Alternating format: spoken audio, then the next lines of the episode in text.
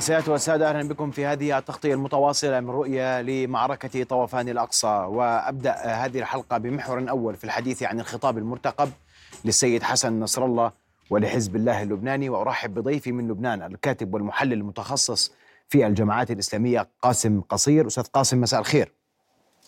مساء الخير لك وتحياتي لكل الشهداء ولكل المقاومين في فلسطين وفي لبنان. رؤيا بودكاست أستاذ قاسم أبدأ من من من من حيث ذكرت في المقدمة والموضوع خطاب السيد حسن نصر الله يوم غد وماذا نتوقع من هذا الخطاب؟ يعني هذا الخطاب يأتي بعد حوالي يعني ثلاثة أسابيع تقريبا على بدء معركة طوفان الأقصى وفي ظل ما يجري من تحركات على الجبهة الجنوبية وخصوصا ما يجري اليوم من تصعيد واضح في عمليات المقاومة الإسلامية وكتائب القسام ضد المواقع الإسرائيلية والمستوطنات الإسرائيلية. هذا الخطاب حسب كل التقديرات سيكون خطاب ذات بعد استراتيجي يشرح فيه سماحة السيد أبعاد ما جرى في السابع من أكتوبر إلى اليوم ورؤية حزب الله إلى هذه المعركة والرؤية المستقبلية للصراع مع العدو الصهيوني. هذا الخطاب سيكون مفصلي في تحديد رؤية حزب الله لطبيعة دوره وطبيعة المعركة التي تقاد اليوم في قطاع غزة وسيحمل مواقف واضحة تجاه ما يجري في فلسطين المحتلة. أستاذ قاسم هناك الحديث عن عن عن ما قد يحمل الخطاب يوم غد وهناك ثلاث محاور يعني يتحدث عنها الشارع اسمح لي. الحديث عن طبعا. أن السيد حسن نصر الله سيدين أو سيتحدث عن هدى إنسانية أو يتحدث عن وضع إنساني سيعلن دخول حزب الله المعركة أو سيعطي مهله زمنية للاحتلال لوقف هجومه على غزة. أي ذلك أقرب أم أن كل ذلك قد يكون حاضرا في الخطاب؟ أنا حسب معلوماتي من خلال مصادر في قيادة حزب الله أنا سمع أن اولا حزب الله هو في قلب المعركة اليوم وهذا انه سيعلن دخول المعركة لا الحزب منذ اللحظة الأولى لمعركة طوفان الأقصى أعلن على لسان عدد كبير من المسؤولين أنه ليس على الحياد وأنه جزء من المعركة.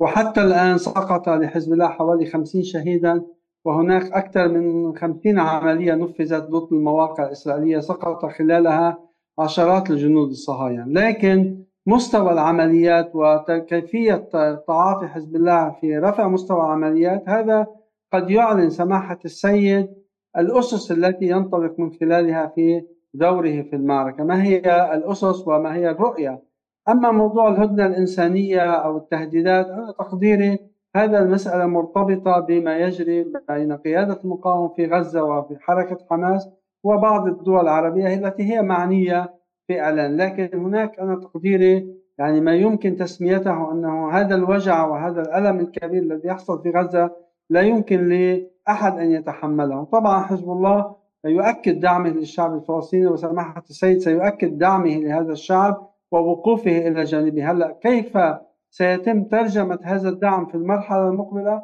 قد يكون مرتبط بالتطورات الميدانية في غزة أو في حال توصل إلى هدنة إنسانية. في حال لم يتم التوصل إلى هدنة إنسانية ولم يتم وقف إطلاق النار في غزة تقديري أن حزب الله ومحور المقاومة سيذهب إلى المزيد من التصعيد في المواجهات ليس فقط من الجنوب بل في كل المنطقة. لكن آه، أنا لا أستطيع اليوم أن أقول ما سينول سيد حسن لكن لا تقديري ليس الموضوع متعلق لا بهدنة إنسانية ولا بموضوع مثلا مساعدات بقدر ما يعلن رؤية حزب الله لهذه المعركة موقعه في هذه المعركة علاقة محور المقاومة بهذه المعركة التنسيق الذي يتم بين قوى المقاومة ودلالات ما جرى. وهذا هو أهم ما جرى أن هذه المعركة ليست معركة تفصيلية هي معركة سيكون مصير الكيان الصهيوني متعلق بها. وهو ما وعد به سماحة السيد في السنوات الماضية أن هذا الكيان أوهم من بيت العنكبوت وأن مستقبل هذا الكيان أصبح آه،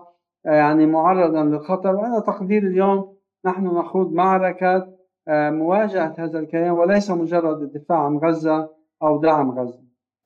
طب اسمح لي أستاذ قاسم وتحدثت في هذا السياق لكن عشان أكون معك آه، عشان عشان نحاول نوصل أكثر لنتيجة ما سيكون من هذا الخطاب. وأنت تقول حزب الله داخل دخل المعركة منذ اللحظة الأولى وهو ليس على نعم، الحياد. نعم واليوم الحديث هل سيزج حزب الله بالمزيد من مقاتليه؟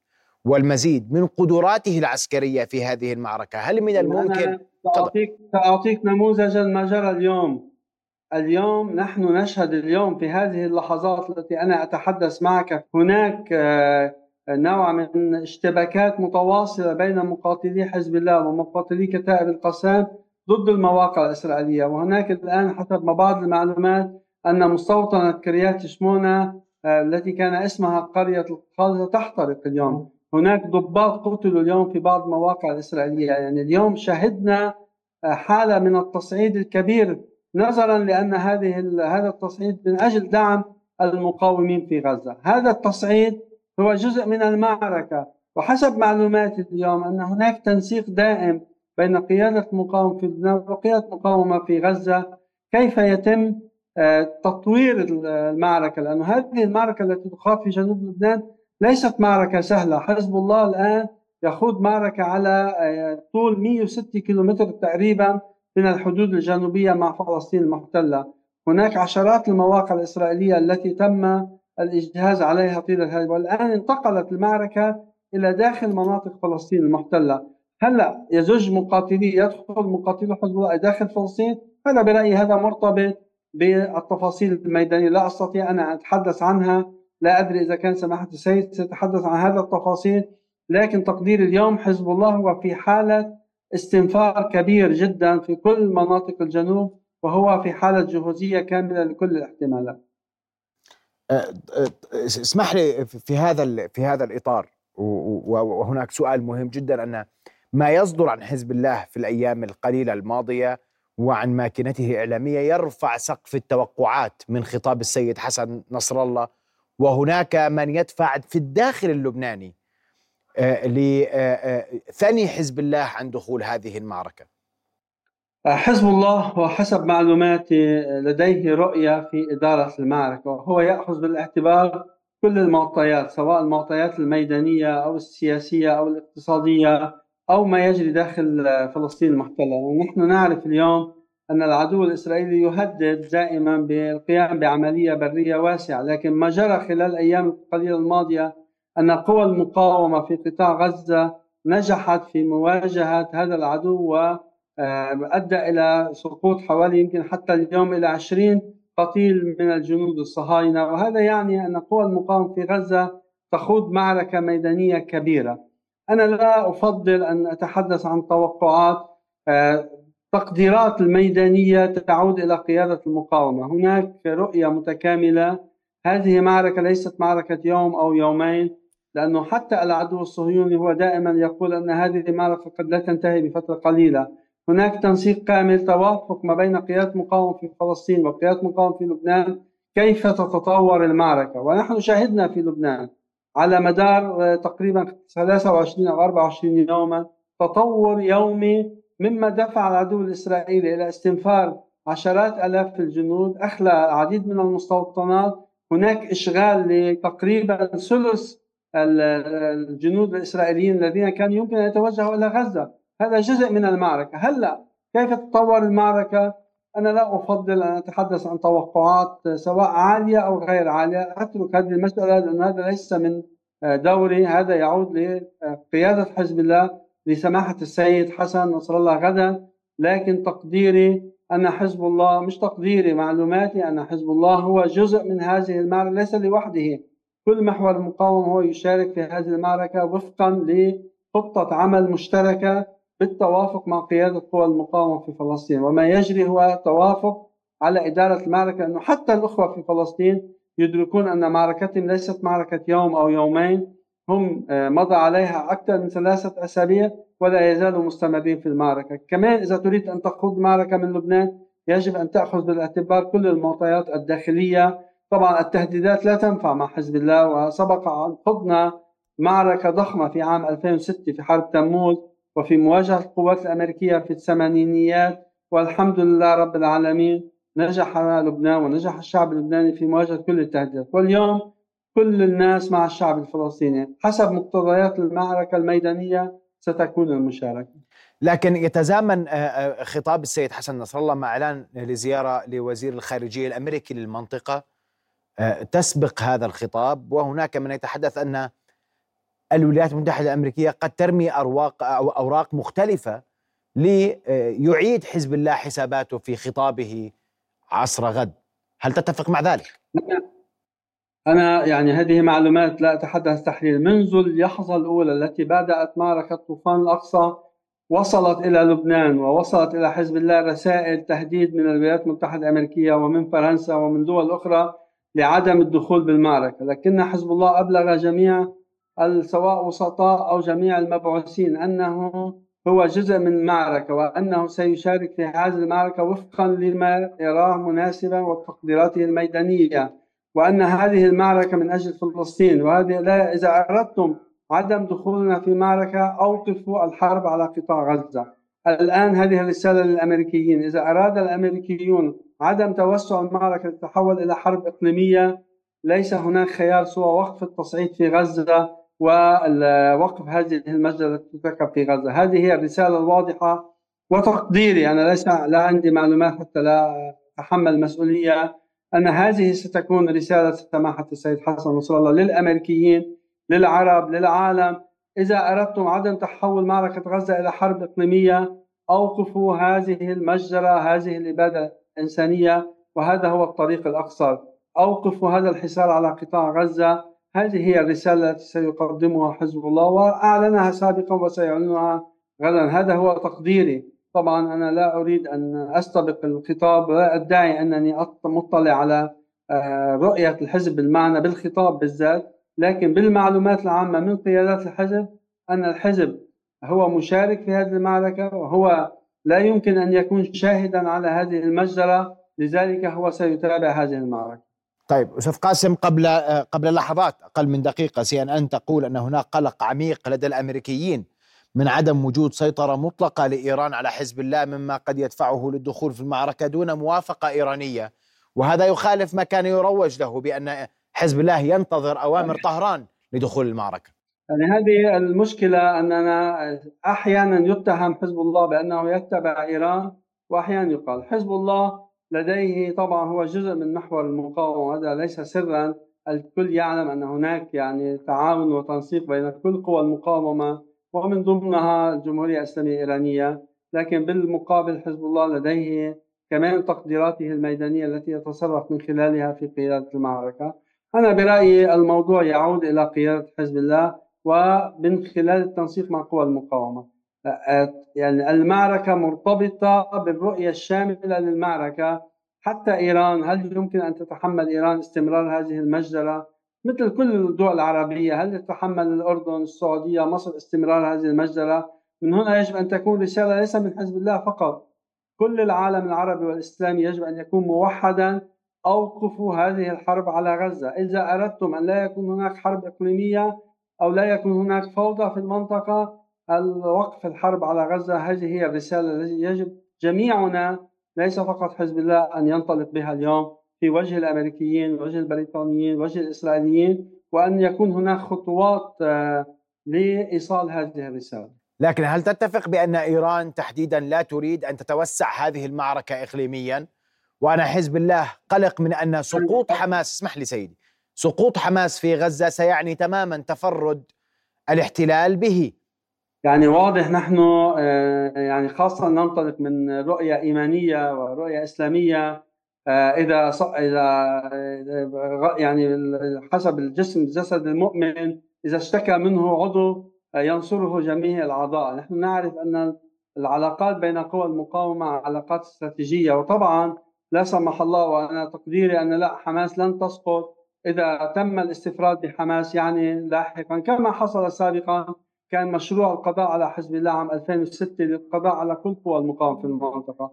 لكن ما حصل أن حزب الله صمد ولم تنجح رؤية الأمريكيين لتغيير الشرق الأوسط وتم الحمد لله تغيير كل آفاق المنطقة باتجاه قوى المقاومة. واليوم أنا تقديري كل قوى المقاومة لن تسمح بسقوط حركة حماس. والحمد لله رب العالمين المقاتلون في قطاع غزة من حماس ومن سرايا الجهاد ومن بقية قوى المقاومة يقاتلون اليوم ويوجهون ضربات قاسية للعدو الصهيوني وهو يستطيع أن يتقدم في آه، داخل غزة. أنا تقديري لا يمكن السماح وطبعا أنا لا أريد أن كمان أتحمل مسؤولية بمعنى الإعلان لكن تقديري أن قوى المقاومة لن تسمح بسقوط حماس ولا حتى الجمهوريه الاسلاميه أصلا لا يمكن استفراد حماس أو القضاء على حماس لأن حماس ليست فصيلا فقط عسكريا هي مجتمع مقاوم يمتد من غزة إلى الضفة إلى مناطق أخرى حيث يتواجد الفلسطينيون وهم ليسوا فقط قوة عسكرية يمكن القضاء عليها. طيب في ذات السياق هناك من يقول أن حزب الله لديه تعقيدات داخلية لبنانية من القوى المختلفة اللبنانية الفاعلة على الساحة وأن هذه القوى لا تريد زج لبنان بما يعاني اقتصاديا بمعاناته الاقتصادية بهذه المعركة لأنه لا يتحمل تبعاتها.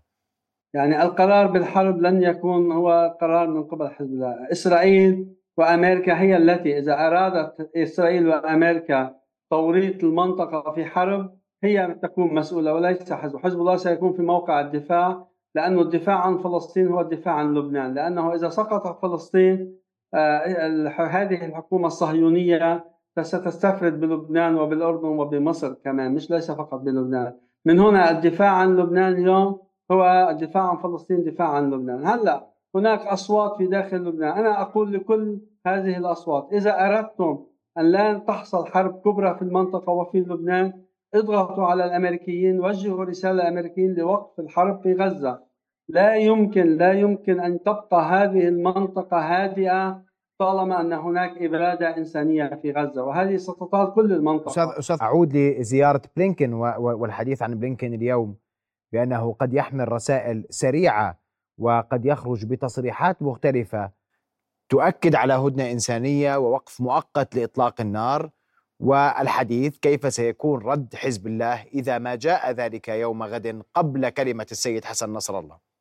يعني في حال تم آه، إعلان هدنة إنسانية وإدخال مساعدات إلى قطاع غزة ووقف إطلاق النار ولو مؤقتا أنا برأيي ستذهب الأمور باتجاه آخر وهذا يعني هزيمة العدو الصهيوني وعلى الأقل يعني هذا نوع من تقدير أن هناك صعوبة في مواجهة حركة حماس وقوى المقاومة. وهذا طبعا سيأخذ مجرى الأوضاع باتجاه آخر لأنه أي وقف إطلاق نار اليوم في ظل ما يجري يعني هو انتصار لهذا الشعب المقاوم في فلسطين. وهذا آه، يؤكد عجز العدو الصهيوني ومن يدعمه في مواجهة هذا الشعب. طبعا في حال حصل هذا سيلقى آه، دعم وتشجيع وموافقة يعني من كل الأطراف المعنية بالصراع أما التهديدات والخوف من توسعة الحرب هذه المسألة يعني نحن شهدنا سابقا تدمير للبنان في عام 2006 والشعب اللبناني تحمل هذا التدمير ودعم المقاومة والمقاومة تحملت طيلة 40 سنة مسؤولية تحرير لبنان ومواجهة الاعتداءات الإسرائيلية اليوم الدفاع عن الشعب الفلسطيني هو الدفاع عن لبنان. هذه أنا رسالتي الشخصية وأعتقد رسالة كل من يؤمن بفلسطين لأنه الصراع بفلسطين ليس والقوى اللبنانية رغم كل التعقيدات الاقتصادية ستوافق على قرار حزب الله بدخول المعركة يعني أستاذ قاسم؟ آه، عندما عندما تحصل هذه الإبادة وتستمر هذه الإبادة أنا تقديري نحن جميعا معنيون يعني. وطبعا هذه الأطراف هي تقول أنها تريد وقف الحرب. إذا أردنا وقف الحرب يجب أن لا نعطي الأمان للعدو الإسرائيلي. يجب أن يبقى هذا العدو يشعر بقلق أننا لا يمكن أن نسكت على هذه المجرى التي يرتكبه وأننا جميعا يجب أن ننخرط ونضحي من أجل هذا الشعب. هذه الرسالة يجب أن تصل حتى تشكل هذه الرسالة نوعا من حتى الضغط المعنوي وأن تكون الرسالة موجهة ليس لحزب الله ولا لإيران ولا لقوى المقاومة. أن تكون موجهة للأمريكيين وللإسرائيليين. إذا أردتم أن لا تنجر المنطقة إلى حرب أوقفوا الحرب على غزة، أوقفوا هذه الاباده الإنسانية. أنا طبعا أحترم كل مواطن لبناني وأقدر كل وجهة نظر لبناني ولا أحد يتمنى أن يعني نذهب إلى حرب واسعة. يعني هذه حتى يعني ما جرى في غزة المقاومة دفعت عن نفسها. لكن رد الفعل الإسرائيلي هو عملية تدمير كاملة لكل المرافق الإنسانية المستشفيات الكنائس قتل الأطفال. هذه ليست حرب هذا عملية إجرام. هل يمكن للعالم أن يسكت عن هذا الإجرام؟ يعني هذه هي السؤال أنا برأيي وأن لا نسأل ماذا نفعل. علينا أن نسأل أنفسنا ماذا لماذا لم آه، نواجه العدو الصهيوني بكل أشكال المقاومة سواء كانت بالسياسة بالعسكر بالأمن. نحن مسؤولون جميعا كبشر.